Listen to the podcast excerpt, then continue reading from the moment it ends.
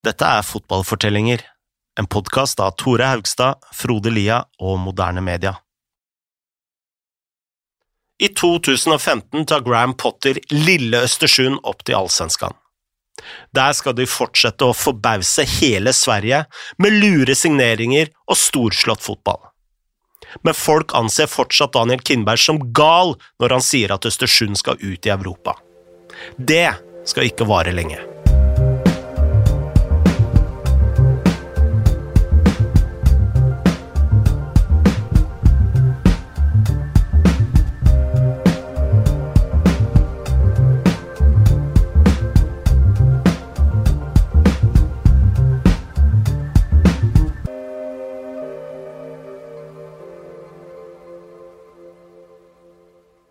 Vi skal fortelle om hvordan Østersund nådde eliten i Sverige. Men ingen episode om dette laget kan fullføres uten en eksentrisk idé fra Daniel Kindberg. I januar 2014 annonserte han at Østersund, som da var i andredivisjon, hadde inngått en avtale med regjeringen i Libya. Først skulle 60 spillere fra Libya dra over til Østersund for å trene og studere alt fra engelsk til IT og sportsmanagement. Så skulle 250 spillere mellom 18 og 20 år ta samme rute. Denne dealen skulle vare i fem år og gi Østersund en feit halv milliard svenske kroner. Men dette var jo på en tid hvor den politiske situasjonen i Libya mildt sagt var ustabil, og til slutt gikk hele avtalen i vasken. La oss høre mer fra Per Boman.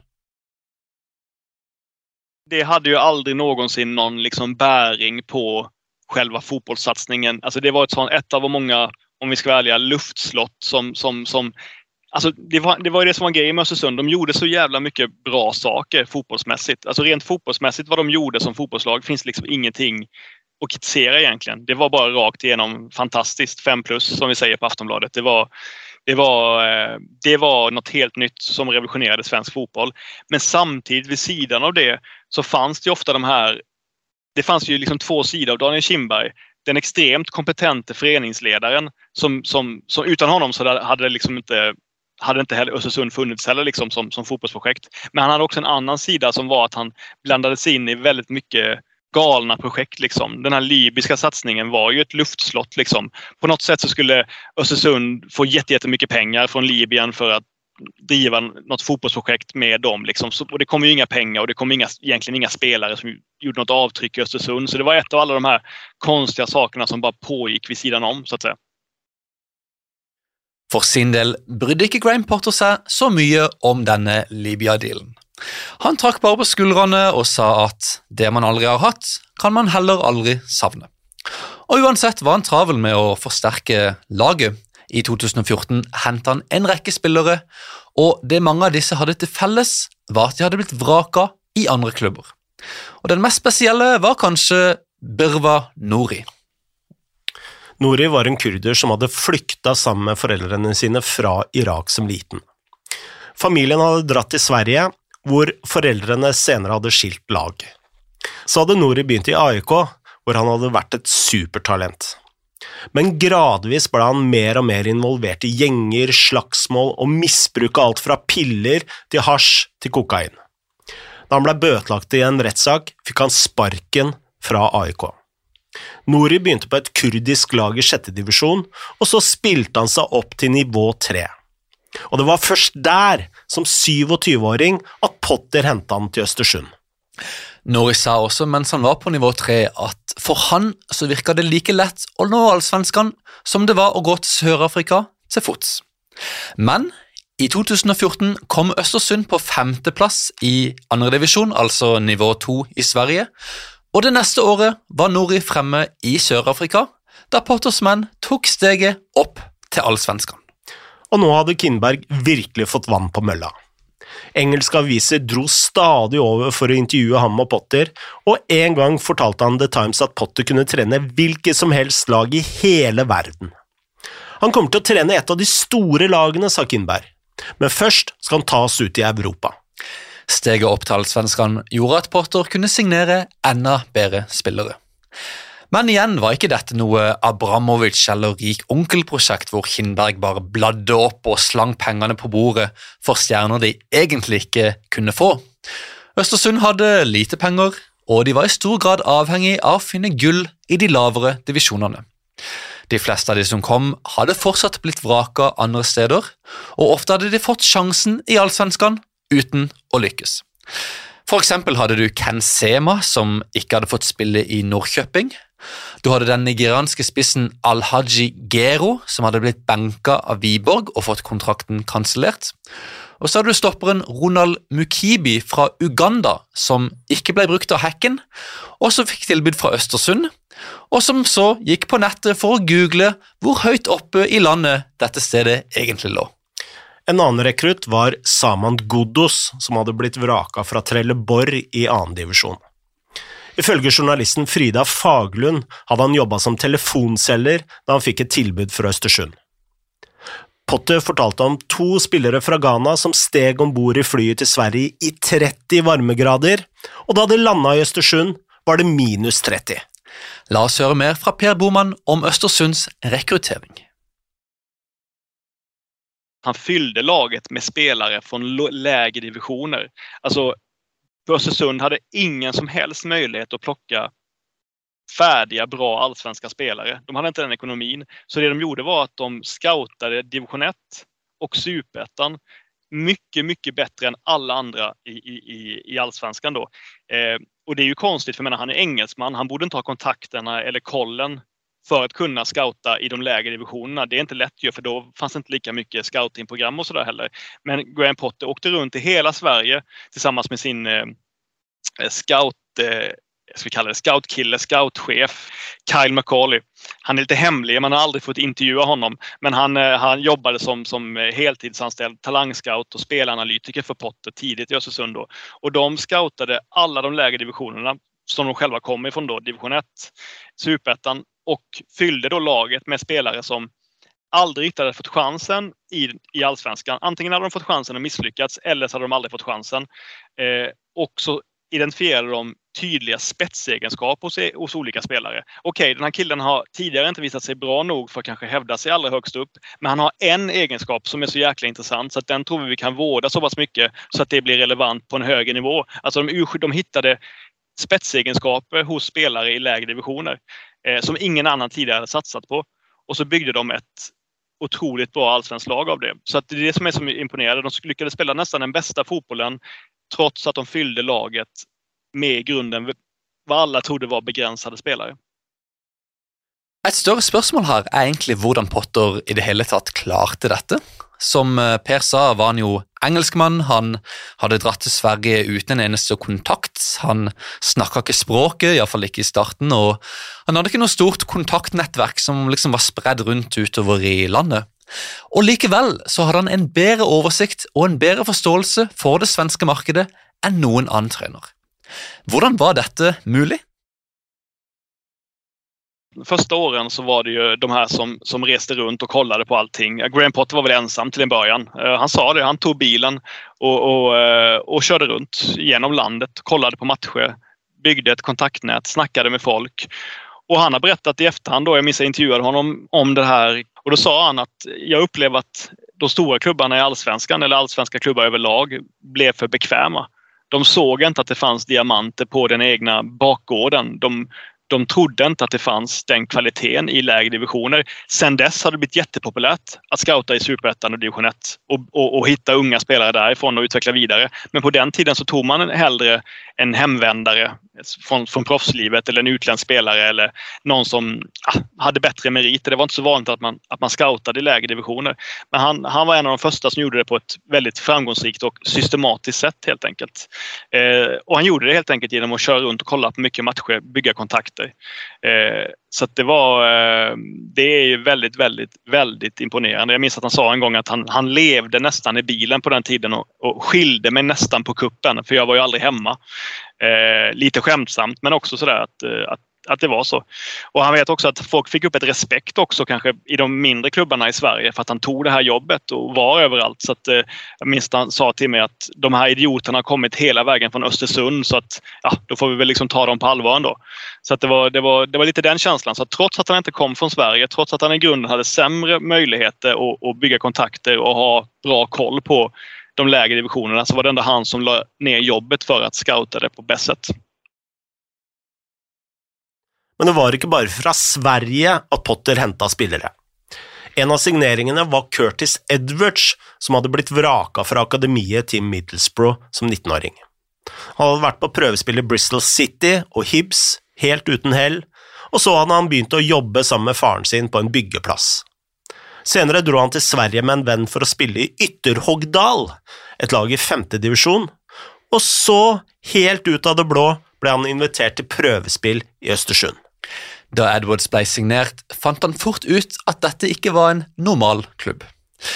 En dag klokka åtte på kvelden satt han hjemme og så på Netflix i sofaen, som vi ofte gjør på vinteren, eh, da han fikk en telefon fra Macauley, altså speideren til Potter. Han dukka opp dit med bilen og kjørte Edwards rett til stadion for å ta en prat med Potter. Og De neste minuttene snakka de to om alt mellom himmel og jord, utenom fotball. Og De kom jo fort inn på temaet lesing, og der hadde da Potter en bok han ville anbefale. Den het Ancient Wisdom Modern World Ethics for the New Millennium, og forfatteren av den var godeste Dalai Lama. Dette viste igjen at Potter anså sin jobb som langt større enn kun å drille fotballspillere inn i et system som om de var roboter. Han sa at mennesket ofte er sin egen største fiende, og at han ville hjelpe sine spillere med å forstå det og adressere det. Om han klarte å få sin tropp til å mestre livet bedre, sånn helt generelt, så var han helt sikker på at resultatene ville komme av seg selv. Parallelt med dette fortsatte Potter å utvikle en offensiv spillestil. Vi nevnte jo tidligere at Østersund var et sted ingen spillere fra sør egentlig ville dra, og Potter måtte jo da gjøre klubben annerledes og gi talentene et eller annet som frista de til å komme dit. Dette var nå i praksis blitt ja, en offensiv fotball hvor spillerne fikk være seg sjøl og ta risiko på banen. Porter sa at han ville skape et lag som brøyt med den tradisjonelle svenske kulturen, og det hjalp jo at mange av spillerne hadde utenlandske røtter og dermed ofte var tekniske og kreativt anlagt. Innen dette trakk Østersund nesten 6000 tilskuere i snitt per hjemmekamp, og rundspilte lag i Eliteserien som var langt større og rikere. Og over resten av landet så sperrer folk øynene opp. Nei, men Han revolusjonerte jo svensk fotball. Det fins egentligen ett, en situasjon før Graham Potter og en situasjon efter. Der kanskje resten av svensk fotball forsto at vi ligger för långt bak. Här har vi en, spelare, en tränare som ligger fyra, fem år före alla andra i tiden. Egentligen skulle man kunna säga. Han var väldigt tidig med att kunna vara så pass flexibel att han bytte formation under matchens gång. Nu låter ju det som det kan väl alla göra, för numera är det ganska vanligt att, att, att, att, lag eh, är så pass flexibla att de kan gå från ett 3-5-2 till ett 4-4-2 under matchens gång. Att spelarna är så trygga så de klarar av det.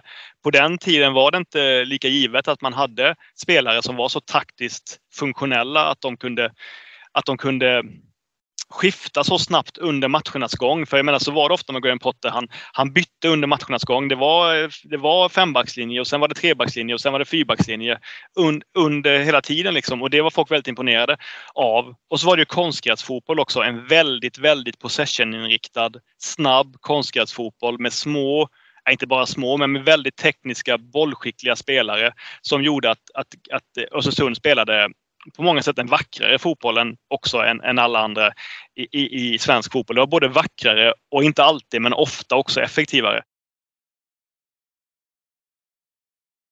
Den første sesongen i Allsvenskan kom Østersund på åttendeplass.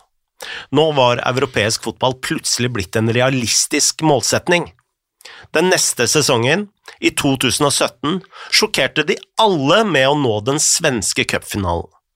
På morgenen før kampen ga Potter spillerne to brev. Et av dem var skrevet av han selv, og handlet om hvor mye han verdsatte dem som mennesker. Det andre var fra spillernes familier, som hadde skrevet om hvor stolte de var av dem.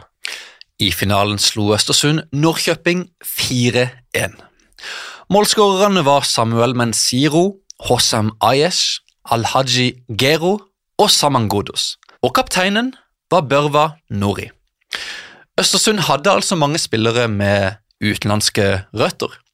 Vi spurte Per om hvordan laget fikk en så blanda identitet.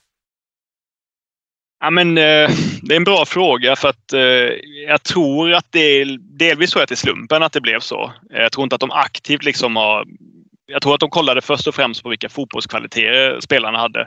Men at, at det gikk så bra liksom å samle människor fra mange ulike kulturer. Og, og, og, for jeg menar, generellt sett var det väldigt svårt för Östersund att få folk att vilja flytta dit. Alltså unga fotbollsspelare från södra Sverige hade inget intresse av att sticka till fjällen. Liksom, i deras värld. Eh, det ligger ju inte så högt upp i Sverige om man kollar på kartan. Men om kommer man från Malmö så tycker man att det är i, i princip Lappland liksom, åka till, eller norra, Norrland och åka till Östersund. Men det de gjorde var att bygga en stark gemenskap i, i det här gänget då, och att man fick vara sig själva.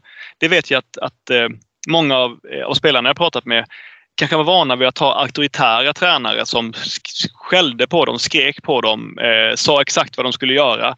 Och det de gillade med Graham Potter var att han var en demokratisk, inkluderande tränare som var lika bra eh, förstå mig rätt, extremt bra taktiskt och fotbollsmässigt men också en väldigt bra människa helt enkelt. Att han visade förståelse för, för dem, pratade med dem, såg dem som personer och inte bara som fotbollsspelare. Utan att jag tror att de gillade att vara där för att Graham Potter i allas tycke är en väldigt bra, snäll, eh, solidarisk människa. Liksom. Så jag tror att det var det som gjorde att, att, att, att den här gruppen människor lyckades jobba så bra ihop. Cupseieren var ikke bare historisk i seg selv, den ga også Østersund en billett til andre kvalikrunde av Europaligaen. For å oppnå Kindbergs drøm om å spille i Europaligaen måtte Østersund vinne to kvalikrunder og så en playoff. Første motstander var Galatasaray. De skulle møtes i juli i 2017, og siden den svenske ligaen går over et kalenderår, slik som den norske eliteserien, var Østersund midt i sesongen mens styrkerne så vidt hadde begynt. I den første kampen i Sverige vant Østersund sensasjonelt 2-0. Men da de dro ned til Tyrkia, forventa de fleste en intens atmosfære og et storslått comeback. Mer enn 33 000 fans fylte stadion for å se Galla ta en obligatorisk seier på hjemmebane. Men det var Nori som skåra det første målet etter en time.